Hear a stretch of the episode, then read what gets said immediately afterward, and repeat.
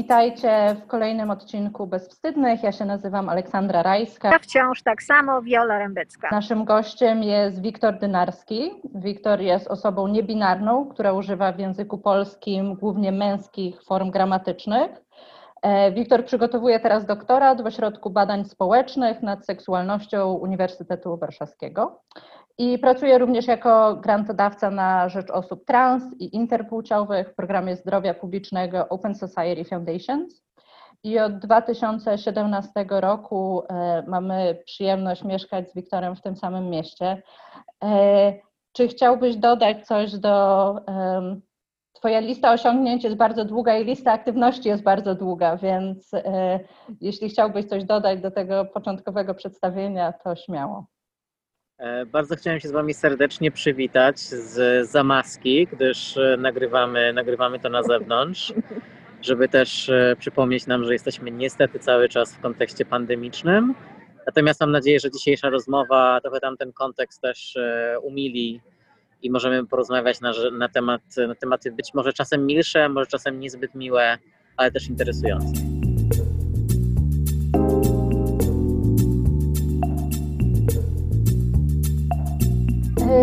Ja chciałam może zacząć od takich, od takich rzeczy, które wydają mi się bardzo bazowe, ale też wydają mi się ważne przez to, że są, przez to, przez to, że są bazowe.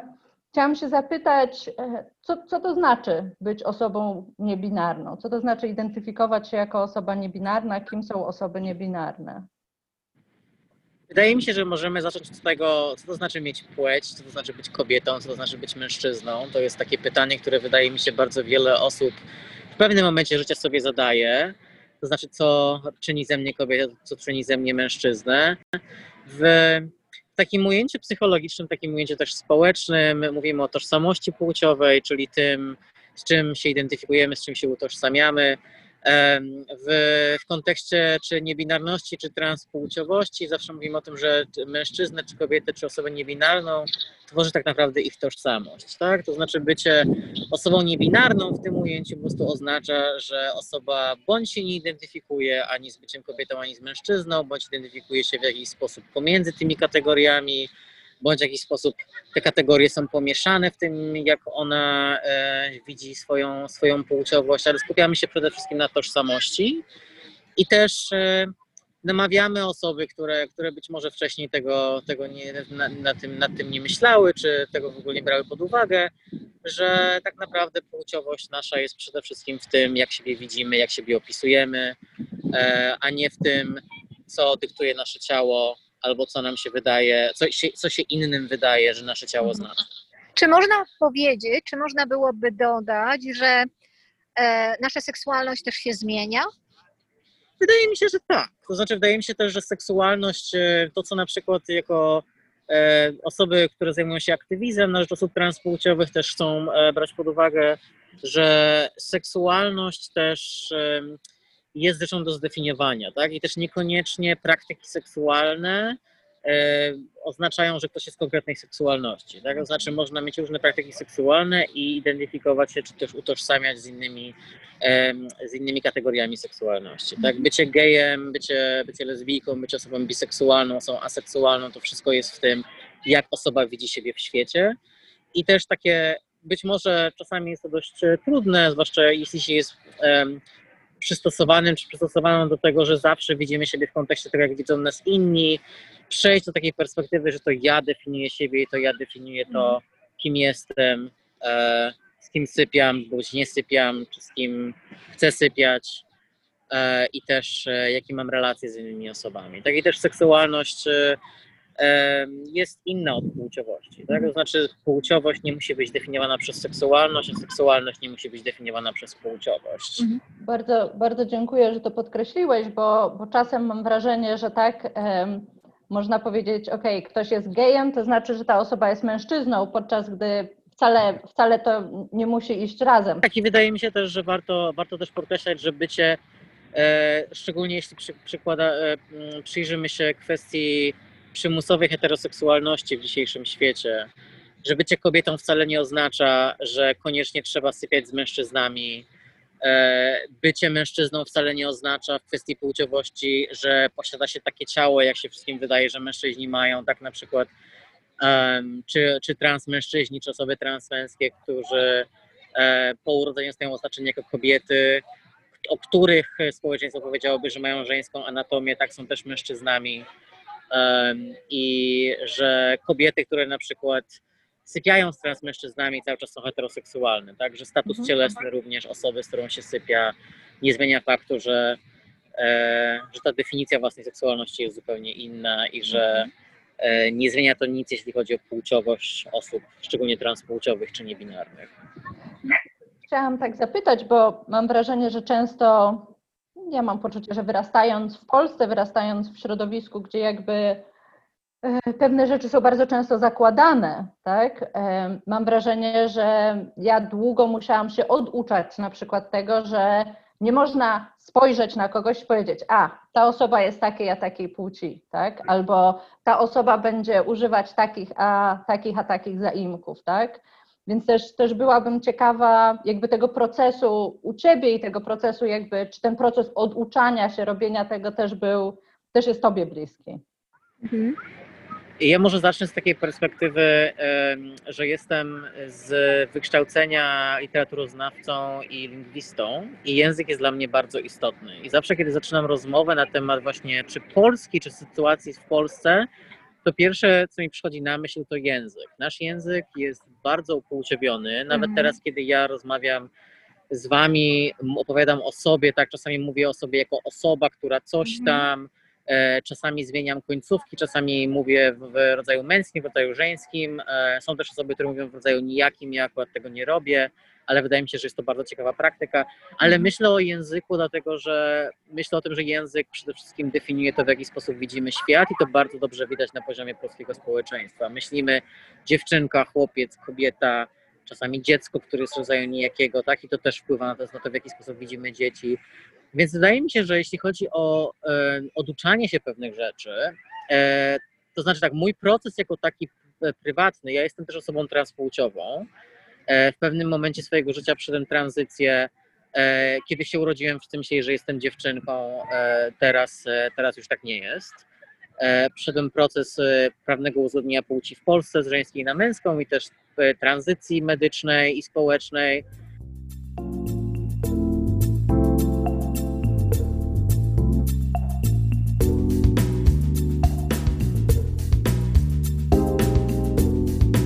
Dokładnie tak jakby czym jest tranzycja społeczna na przykład, tak? Żeby też dla osób, które... Bardzo, bardzo chętnie. Tranzycja społeczna jest, e, mówimy, jeśli mówimy o tranzycji, tranzycji to jest e, pojęcie, które e, pewnie niektóre osoby słuchają, które nas słuchają, znają pojęcie zmiany płci. W języku naszym polskim od 2008 roku, kiedy zaczęła się bardziej wzmożona działalność aktywistyczna na- rzecz osób transpłciowych, język był pierwszą rzeczą, którą, o której zaczęliśmy mówić. Mówiliśmy o tym, że nie mówi się o zmianie płci, ponieważ płci się nie zmienia. W takim sensie, Mhm. że osoby transpłciowe nie zmieniają płci. E, osoba transpłciowa nie przychodzi z dnia na dzień i mówi sobie: O, dzisiaj Mhm. jestem kobietą, dzisiaj jestem mężczyzną.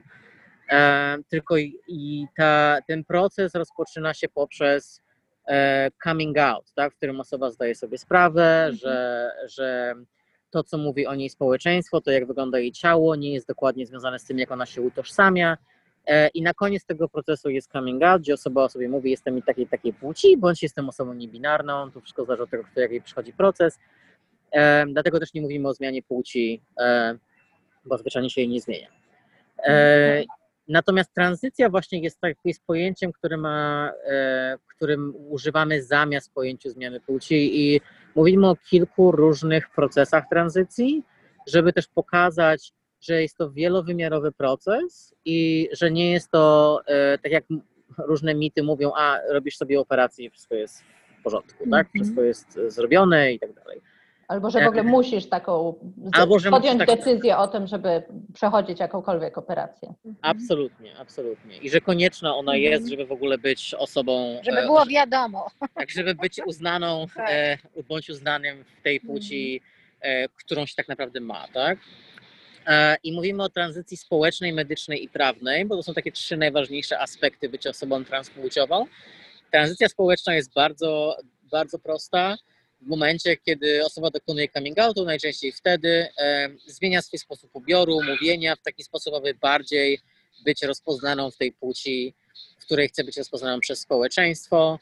E, nie wiem, można sobie obciąć włosy, e, można zmienić właśnie ubiór, można zmienić akcesoria e, i tak dalej, i tak dalej. Mamy też tranzycję medyczną, czyli w taki sposób i też, i też żadna z tych tranzycji nie jest koniecznością, tak? Znaczy można przejść Mhm. tranzycję społeczną, ale niekoniecznie medyczną, można przejść prawną, ale niekoniecznie społeczną.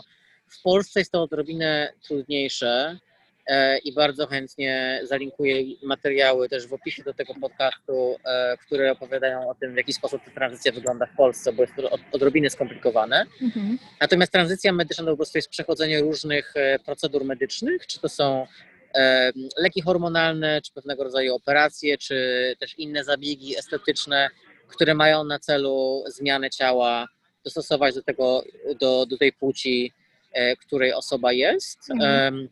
która jest inna od tej na danym po urodzeniu, która jest inna od tej, którą na początku widzą inne osoby.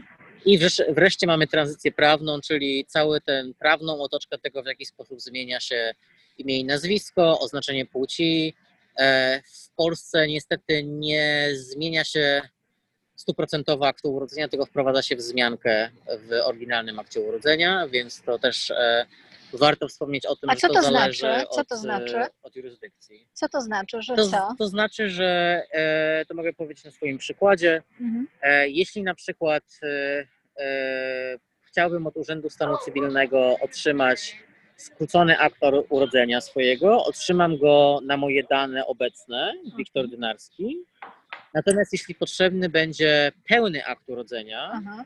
to otrzymam go na moje stare dane i dopiero na drugiej stronie tego O. aktu jest wzmianka, ona jest w ogóle jest bardzo daleko w tekście, jest wzmianka, która mówi o tym, że dnia tego i tego z imienia i nazwiska tego i tego i numeru PESEL, ponieważ numer PESEL też się zmienia, kiedy się zmienia oznaczenie płci, zostało zmienione na Wiktor Dynarski i taki numer PESEL.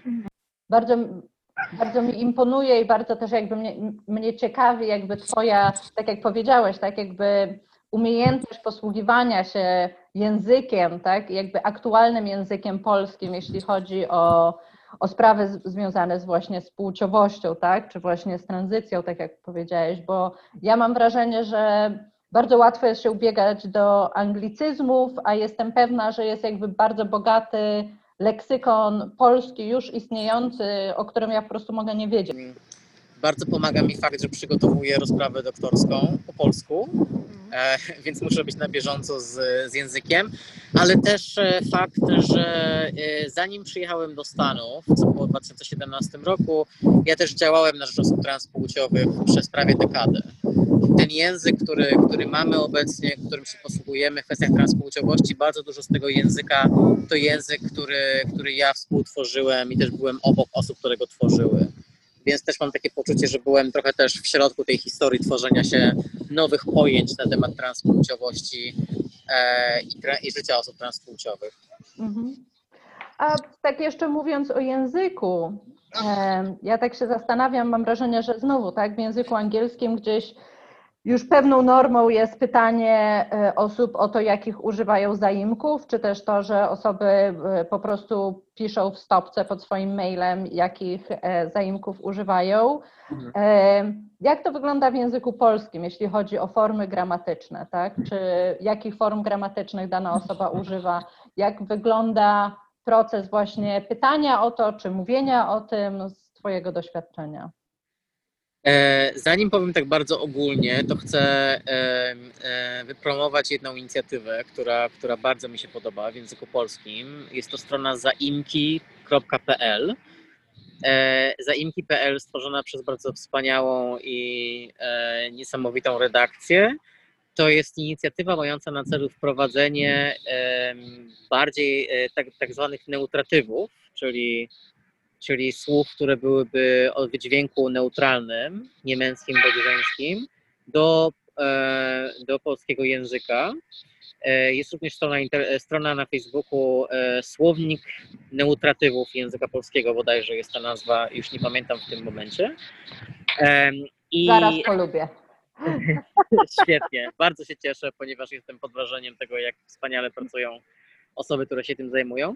E, I właśnie wspominam o tej inicjatywie, dlatego że tam e, wprowadzają wspa- wspaniałe, wspaniałe rzeczy robią. Tak jedną z nich jest na przykład propozycja wprowadzenia do języka polskiego e, rodzaju neutralnego jako, jako rodzaju podmiotowego. Mhm. Czyli zamiast powiedzieć zrobiłam, zrobiłem, mówimy zrobiłam. Mhm. Ja zrobiłam, czy nie wiem, ja mówiłam i tak dalej. E, Bardzo, wydaje mi się, że to jest fantastyczna, rewolucy- rewolucyjna inicjatywa. Ja sam e, w ten sposób o sobie nie mówię. Zwykle używam rodzaju męskiego w polskim, natomiast po angielsku używam zaimka they, them e, i identyfikuję się również w spektrum niebinarności. I też wydaje mi się, co jest bardzo też ciekawe, jeśli chodzi o różnicę pomiędzy językiem angielskim i polskim, tak my na przykład nie mamy tych neutralnych określeń na przykład na, nie wiem, na, na osób z rodziny, tak mo- możemy, możemy powiedzieć rodzic zamiast, zamiast ojciec czy matka, ale na przykład e, nie, nie mamy niczego na kogoś, kto nie jest ani wujkiem, ani ciotką, tak? Na, na przykład w tej inicjatywie, o której wspominam, e, od czasu do czasu osoby prowadzące stronę e, wrzucają propozycje, które jak gdyby się nasuwają jako neutratyw do na przykład, na przykład właśnie jak nazwać kogoś, kto nie jest ani wujkiem, ani ciotką i następnie poddają to pod głosowanie osób obserwujących stronę e, i na podstawie tego, która opcja zwycięży w głosowaniu, wstawiają na stronę jako propozycję do wprowadzenia do języka polskiego. Tak na przykład e, wczoraj na Facebooku właśnie u nich na stronie odkryłem, że e, formą, która najbardziej zaciekawiła osoby obserwujące stronę jest forma wócio, tak? Zamiast bycie wujkiem, ciotką, jestem wuciem. Tak bardzo jak pań, który jest również Tak. pięknym słowem. Pani. Ja na przykład używam pani. To jest jedyna chyba, wydaje mi się, taka bardziej neutralna, neutralna rzecz, której używam w języku polskim, to pani. Rzeczywiście wydaje mi się, że to jest bardzo wspaniała, e, wspaniała forma.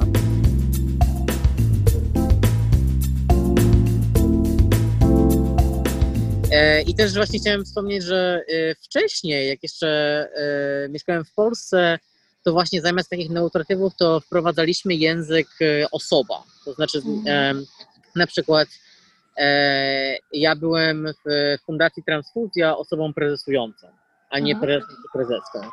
I też wydaje mi się, że w kontekście języka polskiego bardzo jest ważne, niestety cały czas feminatywy e, okazują się być problemem do dużej części społeczeństwa, tak? Więc często e, jest to dla mnie nieprawdopodobne, ale właśnie mamy, e, kiedy rozmawiamy o neutratywach, e, problemem dla wielu osób w Polsce jest w ogóle wprowadzanie feminatywów do, do, wielu, e, do wielu profesji na przykład, tak? Więc w ogóle mówienie o neutratywach wydaje się czasami czymś, co w ogóle wykracza poza, poza taką ogólną percepcję, skoro na przykład problemem jest, że ktoś chce powiedzieć o sobie, że jest doktorką albo doktorą, a nie doktorem, tak? Ale E, z drugiej strony też ja sobie myślę, że to, że to też nie mogą być takie, takie rzeczy, które jakby, a to neutra, neutratywami zajmiemy się, jak już będziemy mieć feminatywy, tak, że te, te rzeczy jakoś muszą, musimy pchać te rzeczy wszystkie do przodu, tak, że, że one są jakby równie, równie istotne, że one też nie mogą czekać, nie?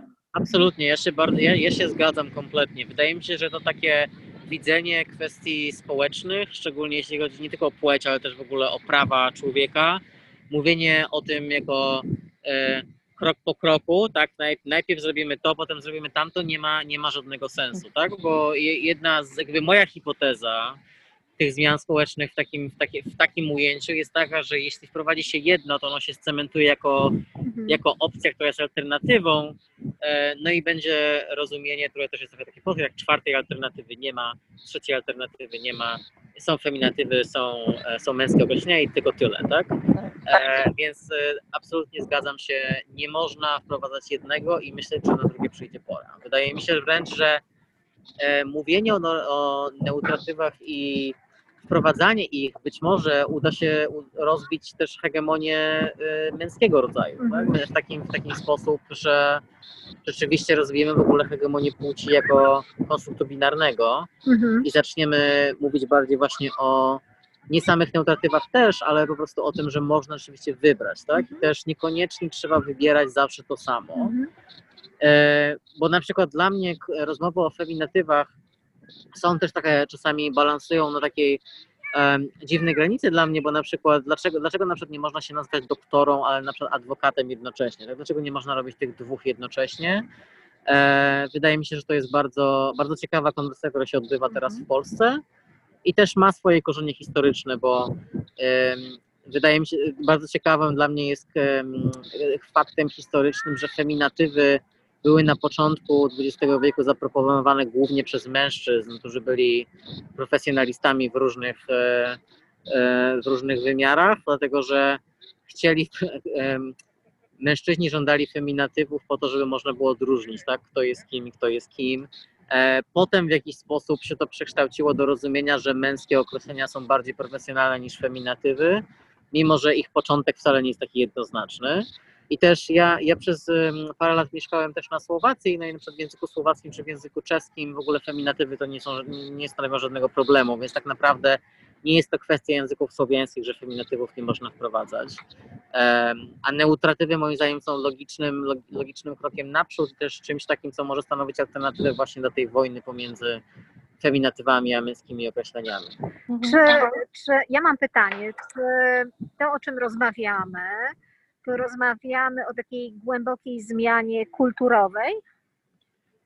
Czasami mi się wydaje, że tak, znaczy może nie czasami. Tak, to jest, to jest moja odpowiedź rzeczywiście. Wydaje mi się, że e, mówimy o zmianie kulturowej, ale mówi, mówimy też o zmianie z potrzebnej zmianie kulturowej. Tak, tak, Mówimy oczywiście, o, że tak. Mówimy o tym, że osoby takie jak my istniały zawsze i jest Dokładnie. najwyższy czas, żeby Zacząć żeby- je widzieć. żeby zacząć je widzieć, albo być może zacząć je widzieć ponownie, tak? Bo Tak. też e, jak myślę na przykład o sytuacji w Stanach, to myślę o tym, że bardzo wiele plemion e, rdzennych Amerykanów Absolutnie.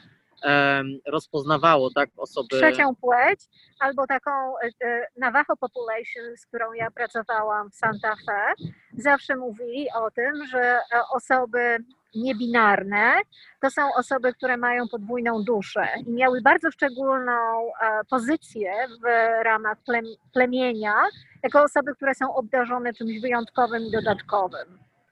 I wiedząc to, ja również zadaję sobie pytanie, czy mieliśmy takie e, tradycje e, słowiańskie tak, w przeszłości, tak. tak? Zanim zostaliśmy skolonizowani przez chrześcijaństwo. Mhm. I używam tu słowa kolonializm e, bardzo strategicznie, dlatego że wydaje mi się, że w pewnym momencie musimy również porozmawiać na ten temat. Porozmawiać na, na temat tego, co chrześcijaństwo wprowadziło na terenach polskich, na terenach słowiańskich, co żeśmy zatracili w związku z tym. Dokładnie.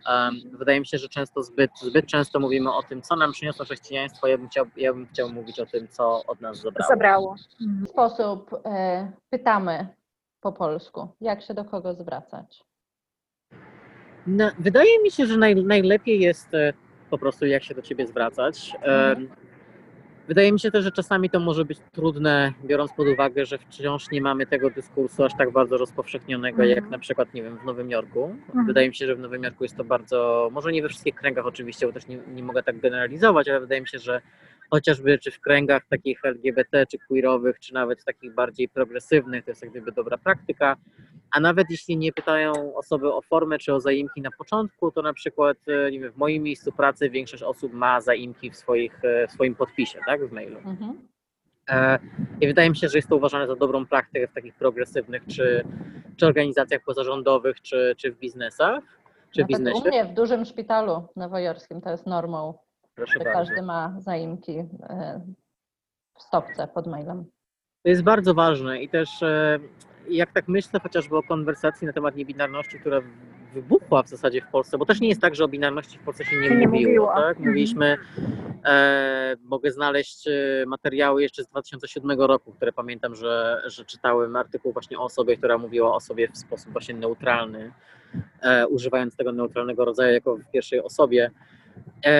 Więc te narracje są i były. Tak? Wydaje mi się, że to wybuchło ostatnio właśnie po, po aresztowaniach, po demonstracjach, po tym jak Margot ze Stop Bzdurą została aresztowana i też w jaki sposób mówi, mówiły o niej media i to nie tylko media prawicowe, ale też media liberalne, które były na temat jej aresztowania, pisano o jej imieniu prawnym, a nie tym, którym się posługuje.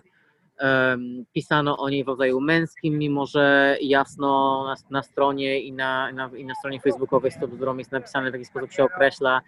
I też wybuchła taka, taka, taka dyskusja na temat tego, gdzie jest granica tego, kto jak określa, jak się do niego, do niej zwraca. te artykuły, często miałam takie poczucie, no to to już jest wydziwianie, tak? No. Taki, taki ton y, gdzieś miałam wrażenie, że wychwytuje często w tych publikacjach. To jest, to jest bardzo ciekawe, bo z jednej strony e, te same osoby, które o Karole Wojty, Wojtyle będą, Karolu Wojtyle będą mówić e, Jan Paweł II, jednocześnie powiedzą Margo, że nie może nazywać się Margo, Margo. tak? E, To są te same osoby, które na przykład nie wiedzą, że mnóstwo, nie wiem, czy aktorów i aktorek w Hollywood, czy innych performerów używa imion i nazwisk, które są kompletnie zmyślone, bądź na przykład są, nie wiem, kombinacją pierwszego i drugiego imienia, ani nazwiska. Więc moje, taka, moja taka rada troszeczkę jest, że jeśli, jeśli jesteś w stanie powiedzieć o kimś, e, nie wiem, jeśli jesteś w stanie mówić o Beyoncé jako Beyoncé, Jay-Z jako Jay-Z, jeśli w stanie powiedzieć Karol, e, ten, Jan Paweł II, a nie Karol Wojtyła, to wydaje mi się, że spokojnie jesteś w stanie powiedzieć o kimś e, imieniem, którego nie ma w dokumentach. To bardzo ciekawe. Ja bym w związku z tym chciała zapytać, skąd w takim razie taka psychoza, lękowa psychoza związana z tym, co jest no jakoś oczywiste. Czyli skąd psychoza nakierowana czy skierowana w stronę osób niebinarnych albo nieokreślających się w taki standardowy sposób. Dlatego, że em, Psychoza mówiąc, oczywiście mówię o tym trochę metaforycznie, ale myślę, że czasami to też jest taka Nie, to psychologiczna reakcja. tyle lęku. Skąd tyle lęku? Tak. Myślę, że to jest. Dlatego, dlatego, że to podważa e, pewnego rodzaju ustalony porządek. Mhm. To dla mnie to jest bardzo podobne do lęku, e, który też w Polsce jest obecny. Wydaje mi się, że w Stanach troszeczkę, przynajmniej wiem, w Nowym Jorku troszeczkę mamy go z głowy. E, lęk przeciw o, osobom LGB, tak, przeciwko lesbijkom, gejom czy osobom biseksualnym. Ale jest to jest to, wydaje mi się, strach, bo to jest strach, który po pierwsze, jeśli, jeśli myślę o takim właśnie personalnym podejściu, czy podejściu od- ze strony osoby, która być może ma takie lęki, tak, nie rozumie niebinarności, nie rozumie osób transpłciowych, nie rozumie tranzycji płciowej, zawsze są kobiety, zawsze są mężczyźni. E, wydaje mi się, że tak, z takiej perspektywy e, istnienie takich osób zburza pewnego rodzaju strukturę tego, w jaki sposób Mhm. ustalono, tak jak działa społeczeństwo, bo Mhm. przecież mężczyźni, wiadomo, mężczyźni robią to i tamto, kobiety robią to i tamto, nie wiem, mężczyźni płodzą, kobiety rodzą i w ogóle jak może być inaczej. E, na tym poziomie takim kulturowym to wydaje mi się oczywiste. Tak? To jest tak, że jest pewien ustalony porządek świata i jak ten porządek jest łamany bądź kwestionowany, no to też zadajemy sobie mnóstwo pytań na temat, na temat siebie. Tak? E, Mhm. Dla mnie na przykład e, rozmowy z osobami, które nie są trans, na początku mojej tranzycji były bardzo ciekawe, dlatego że e, całkiem często padało pytanie, a skąd ja mam wiedzieć, czy jestem kobietą, czy jestem mężczyzną? E, no tak, personalnie, no nie wiem. Znaczy ja, ja, ja wiem, jak wygląda moja tożsamość, więc się, jak gdyby, jak się ukształtowała, bo też e, bardzo dużo osób niebinarnych i transpłciowych często spędzamy sporo czasu na takiej, na takiej właśnie Mhm. spojrzeniu w siebie, bo to poczucie niezgodności jest bardzo drastyczne. Tak wiadomo, Mhm. jest bez przerwy i towarzyszy nam każdego dnia. em, I jest bardzo uporczywe, czy nie dla wszystkich, ale, ale jest to częste doświadczenie, że to doświadczenie jest dość uporczywe. Em, I dlatego wydaje mi się, że to jest, e, to jest coś, co, co wprowadza lęk, bo w pewnym momencie zadajemy sobie pytanie, czy te osoby zadają sobie pytanie w takim razie, skąd ja mam wiedzieć, że jestem kobietą, czy jestem mężczyzną, skoro moje ciało może, jeśli, jeśli mam takie ciało, to czy moja tożsamość jest taka sama, czy w ogóle, wydaje mi się, że często istnienie niebinarności i transpłciowości też prowokuje do takich przemyśleń, tak? Mhm. Czy, czy na pewno mamy ze sobą proces myślowy, który utwierdza mnie w tym, że jestem kobietą czy mężczyzną. Em, Czasami to idzie w ciekawe strony. Przed swoim doktoracie analizuję pojęcie męskości, jak ono się pojawiało w dyskursie akademickim też w Polsce. I bardzo często na przykład męskość jest definiowana przez genitalia. Mhm. Jednym, jednym z ciekawszych, wydaje mi się, pytań, e, które kiedyś tam widziałem w mediach społecznościowych na temat tego, co czyni z- właśnie z kogoś mężczyznę, było pytanie, czy jeśli mężczyzna na przykład e, straci, straci penis w wypadku, to czy nadal jest mężczyzną. Tak? I to jest w ogóle e, z perspektywy transpłciowej oczywiście, jesteś mężczyzną, kiedy uważasz się za mężczyznę i to nie ma żadnego... Ale też rozumiem, że Mhm. po, po mileniach, tak, Mhm. tworzenia tożsamości e, upłciewionej na podstawie, na podstawie ciała, bardzo trudno jest też wyjść z tego dyskursu i bardzo Mhm. trudno też e, przepracować to w sobie, Mhm. tak? Mhm. No, E, I prawda też jest taka, że, że każdy, każdy z nas mamy też takie poczucie własnego ciała, jak ono powinno wyglądać i co w nim powinno być, więc Ja też tak sobie myślę, powiedziałaś o męskości, ja też chciałam gdzieś dodać, że jakby feminizm też ma sporo za uszami, jeśli chodzi o definiowanie kobiet przez ich y, waginy i przez ich organy i, i wykluczanie kobiet, które są anatomicznie może nie w ten sposób zbudowane, tak? Więc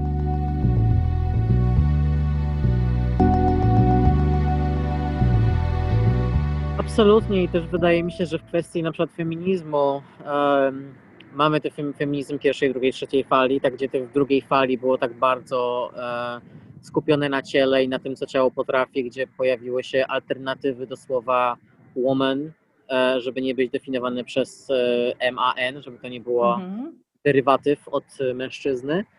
Em, I też wydaje mi się, że w pewnym sensie też wróciliśmy niestety do tego dyskursu przez to, że pojawiły się tak zwane e, trans exclusionary radical feminists, te, które terfy, tak, które e, osoby, które uważają się za feministki czy feministów, ale uważają, że osoby trans e, nie powinny być uważane za, za nasze płcie, czy też nie powinny być e, na przykład mieć dostępu do przestrzeni kobiecej. Tak, że trans kobiety nie powinny mieć dostępu do przestrzeni kobiecej. E, Dla mnie to jest e, przerażający dyskurs, ale jednocześnie ciekawy, ponieważ jak mówiłem, wydawało mi się, że, mi, że o tym już e, sobie porozmawialiśmy w latach 70. i 80. i że możemy porozmawiać o czym innym, tak? Dokładnie. Że, że czas na czwartą falę, która będzie mniej reakcyjna, a bardziej inkluzywna i bardziej afirmująca, ale wydaje mi się, że musimy trochę jeszcze nad tym popracować.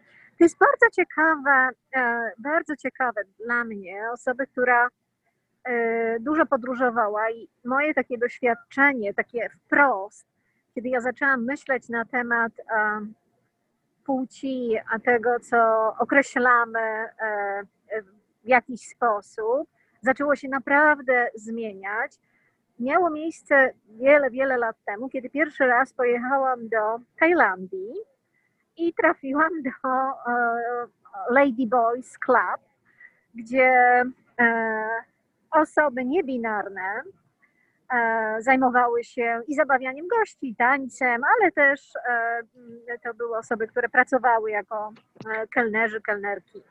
I odbyłam taką pierwszy raz w życiu rozmowę, pytając się osoby, która wyglądała dla mnie jak chłopiec, młody mężczyzna z biustem kim ty jesteś? Pamiętam, że zadałam to pytanie, na co on, ono odpowiedziało mi, że to zależy od dnia. Czasami czuję się bardziej chłopakiem, czasami dziewczyną. Zależy. Dzisiaj czuję się bardziej, już nawet nie pamiętam w tej chwili, dziewczyną. To bardzo mi wtedy zajęło uwagę, że e, i później też oczywiście zgłębiałam ten temat i w Azji stosunek do, e, do do płci jest dużo bardziej swobodny niż w kulturze i europejskiej, czy właściwie chrześcijańskiej, można by było powiedzieć. I od tamtego czasu jakby zdaję sobie sprawę z tego, że płciowość jest bardzo powiązana z religią. To znaczy to, ta restrykcyjność, która dotyczy płciowości, idzie bardzo w parze z taką sztywnością dotyczącą religijności. To nie jest tylko chrześcijaństwo, bo to też jest muzułmanizm, to też jest religia żydowska, to też jest e, no, chrześcijaństwo w takim wydaniu bardzo takim e, radykalnym. Szczególnie chrześcijaństwo protestanckie, No wydaje tak, mi się, tak. które rzeczywiście. em, wydaje mi się, że e, religijność, też e, ja mogę się wypowiadać jako osoba, która wyrosła w katolickim kraju, w Polsce. Religijność rzeczywiście jest pewnego rodzaju. Ono, szczególnie w Polsce, zwłaszcza religia katolicka, jest też częścią tego ustrukturyzowania kultury. Mhm. I też e, trudno dla mnie i też w kontekście czy, czy Azji, czy, czy też innych kontynentów, to dla mnie w ogóle widzieć kulturę jako, jako nie, nie, nie, nie pozbawioną wpływu religii, dlatego że w większości krajów świata religia jest obecna przez, e, przez e, setki lat, czasami nawet tysiące czy milenia, więc też jest, e, e, jest już częścią kultury, jest kompletnie częścią tej kultury. Mhm. Czasami ciężko w ogóle e, odróżnić, Mhm. tak? czy jest to kwestia kulturowa czy religijna, bo są tak ze sobą powiązane. Mhm. Wydaje mi się też, że w kwestii na przykład czy Tajlandii, czy innych krajów azjatyckich jest też kwestia taka, że, e, że czasem ta kultura e, nie idzie w parze z prawem. Tak, Szczególnie w krajach, które były skolonizowane, Mhm.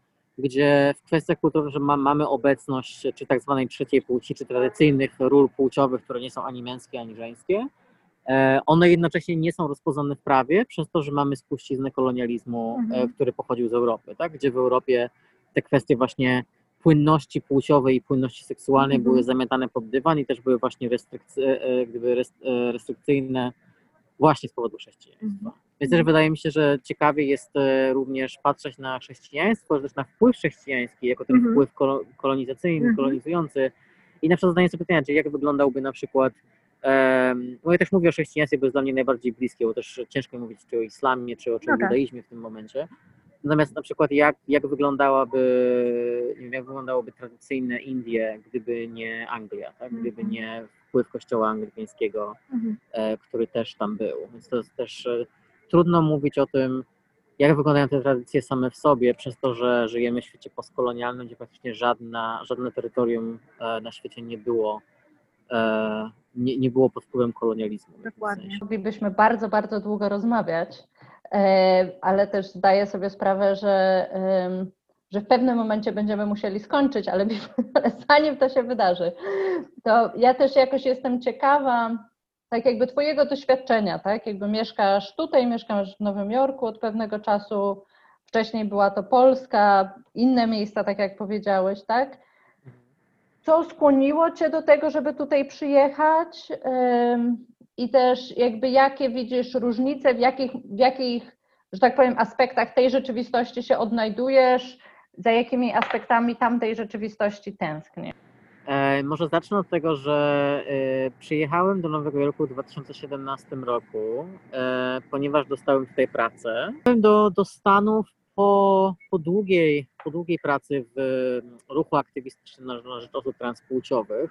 Tam działałem ponad dekadę. Rozpocząłem tak mniej więcej w 2007 roku, czyli w zasadzie 10 lat. I co, co skłoniło mnie do, e, do wyprowadzki, i też bardzo rzadko o tym mówię, przyznam szczerze, to było wypalenie aktywistyczne. I to wypalenie było w kontekście bardzo politycznym, dlatego że pod koniec mojej, mojej pracy w Polsce ja byłem osobą prezesującą Fundacji Transfuzja. E, Fundacja ta była współzałożona przez Annę Grodzką, która była również polską pierwszą parlamentarzystką trans, trans kobietą w polskim, w polskim Sejmie. I w tym czasie, e, kiedy, kiedy Ania była, była w Sejmie, była parlamentarzystką, pracowaliśmy nad ustawą o uzgodnieniu płci, która miała być pierwszą w Polsce ustawą, która wreszcie formalnie określa, jak wygląda w Polsce prawne uzgodnienie płci, e, co trzeba mieć, żeby, to, żeby tego dokonać. E, W tej chwili jest to kwestia proceduralna, która jest w ogóle nieskodyfikowana w prawie i potrafi być bardzo chaotyczna. Pracowaliśmy nad tym 4 lata, od kiedy, od kiedy e, Ania tak naprawdę weszła do Sejmu.